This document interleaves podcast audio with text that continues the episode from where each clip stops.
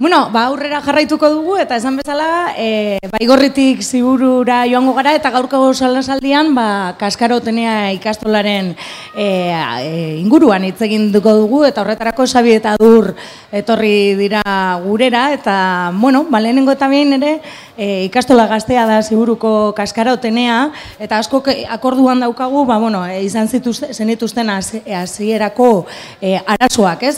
Baina gaur eguneko egoera ezagutuko dugu, Ziburuko ikastolaren historia, noiz sortu zen, Sabi?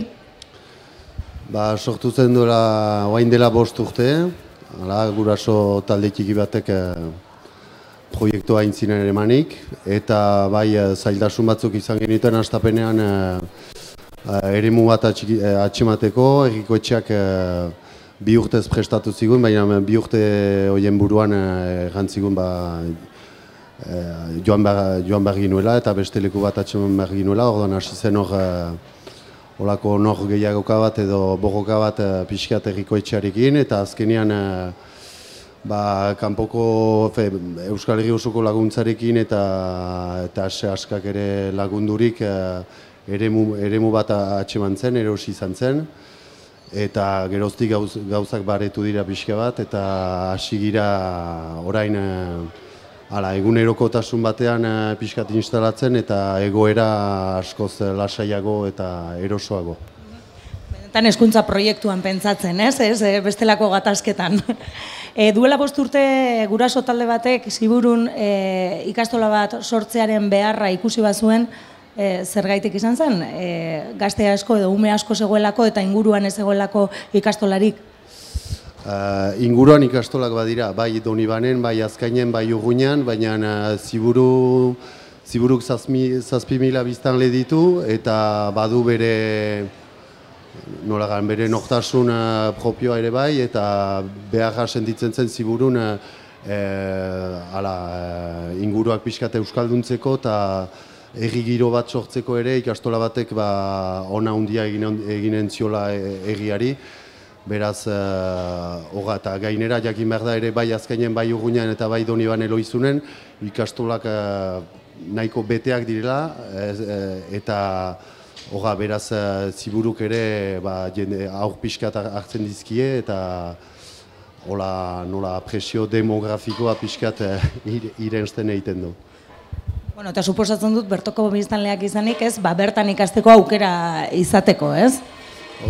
hori da ere, bai, eh, azkenean e, e, hola, urbileko eskola bat edo bertako eskola batek gauza gauza initze gesten ditu familien dako eta, eta bigarren ondorioa izaten da gero plazan animazio gehiago izaten direla eta eta egia nolapait biziarazten duela edo pixkat Euskaren inguruan edo konsientizazio lan txiki bat e, aintzina ere ematen duela. Nolakoa da, nolakoa da gaur egun ziburuko argazkia esan nahi dut hizkuntzare dagokionez? Ez ikastolaz gain, eh?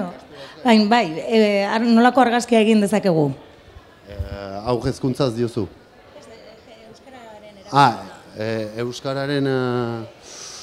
ba, nere iritzitik, ba, ari da, baina egia da Euskal mundua gure kostaldean eh, mundu txikia dela, ganezake bai, eh, mundu bizi bat, eh, mundu gogotsu bat, baina bai mundu txikia dela kostaldean batez ere, alere ba, jakin behar da udan eta udatia gainitzeldu direla eta pixkat nuke garen galduak bezala, baina jendarte handi hortan parte txiki bat girela onartu egin behar da eta hori da egin ezak, bai, horrekin bizi, bizi gira.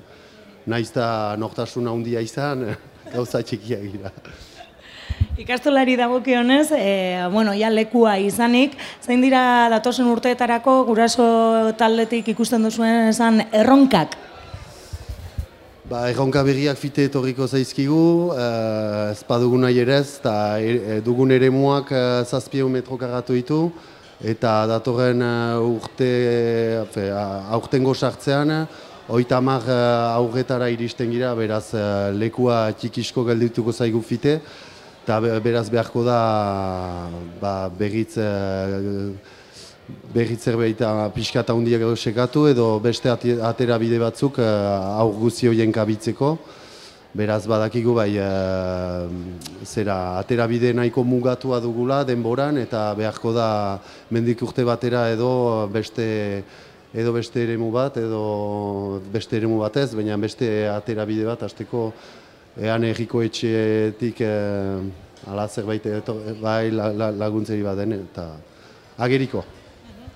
Bueno, beraz, e, argazki bat egiteko kaskarotenea ikastolan, zenbat ikasle dago gaur egun? Erran bezala, datorren urtean, uh, be, eh, iraileko sartzean oi, oitamak bat izanen dira, eta txiki, txiki txiketatik hasiz, uh, le, lehen mailako bigarren urte arte. Beraz, badira, bat bi, hiru, lau, bost, sei adin klase desberdin, eta, eta ara, datorren, datorren sartzeko pentsatzen dugu ino urte bat gehiago idekitzea, maila bat, mai- maila bat idekitzen baitugu urtero, baina, hola, ikusiko ea zera, bosgarren urte arte idekitzeko aukera izaten dugun arez, baina egia da hor paretak pusatzen ibilki girela urte, eta lekua leku mugitzean edo leku mugatuan behintzat. Sabi, esan nahi du, bosgarren urtera helduta, e, ikasleak beste leku azkainera edo, bueno, beste ikastola batera alde egin behar dutela ikastera. E, ez gero bosgarren urtetik goitik, ja ko, kolegioa izaten da, bi- bigar, bigarren eh, maila edo bigarren hezkuntza hori da. Beraz hori ja ez da gure esku izanen edo behintzat e, atera bideak ja atxemanak, atxemanak dira. Ziburu, ziburun baita kolegioa hala, euskeraz ikasteko, bai, bai, bai. Hori, hori ja- egin dute gure aintzinikoek. Bueno, ba, ez dakit eh, hemen entzule zaudetenak, zerbait gehiago galdetu nahi duzue, kaskarotenea ikastolaren inguruan. Aha, argi, argi eta klaru azaldu duzu. Ba, hemen utziko dugu, eskerrik asko hurbildu zareten guztioi. Eta baita ere hementxe bukatuko dugu Bilbo iria irratiaren emankizuna, bihar bueltatuko gara, eguerdiko amabietatik aurrera, eskerrik asko, agur.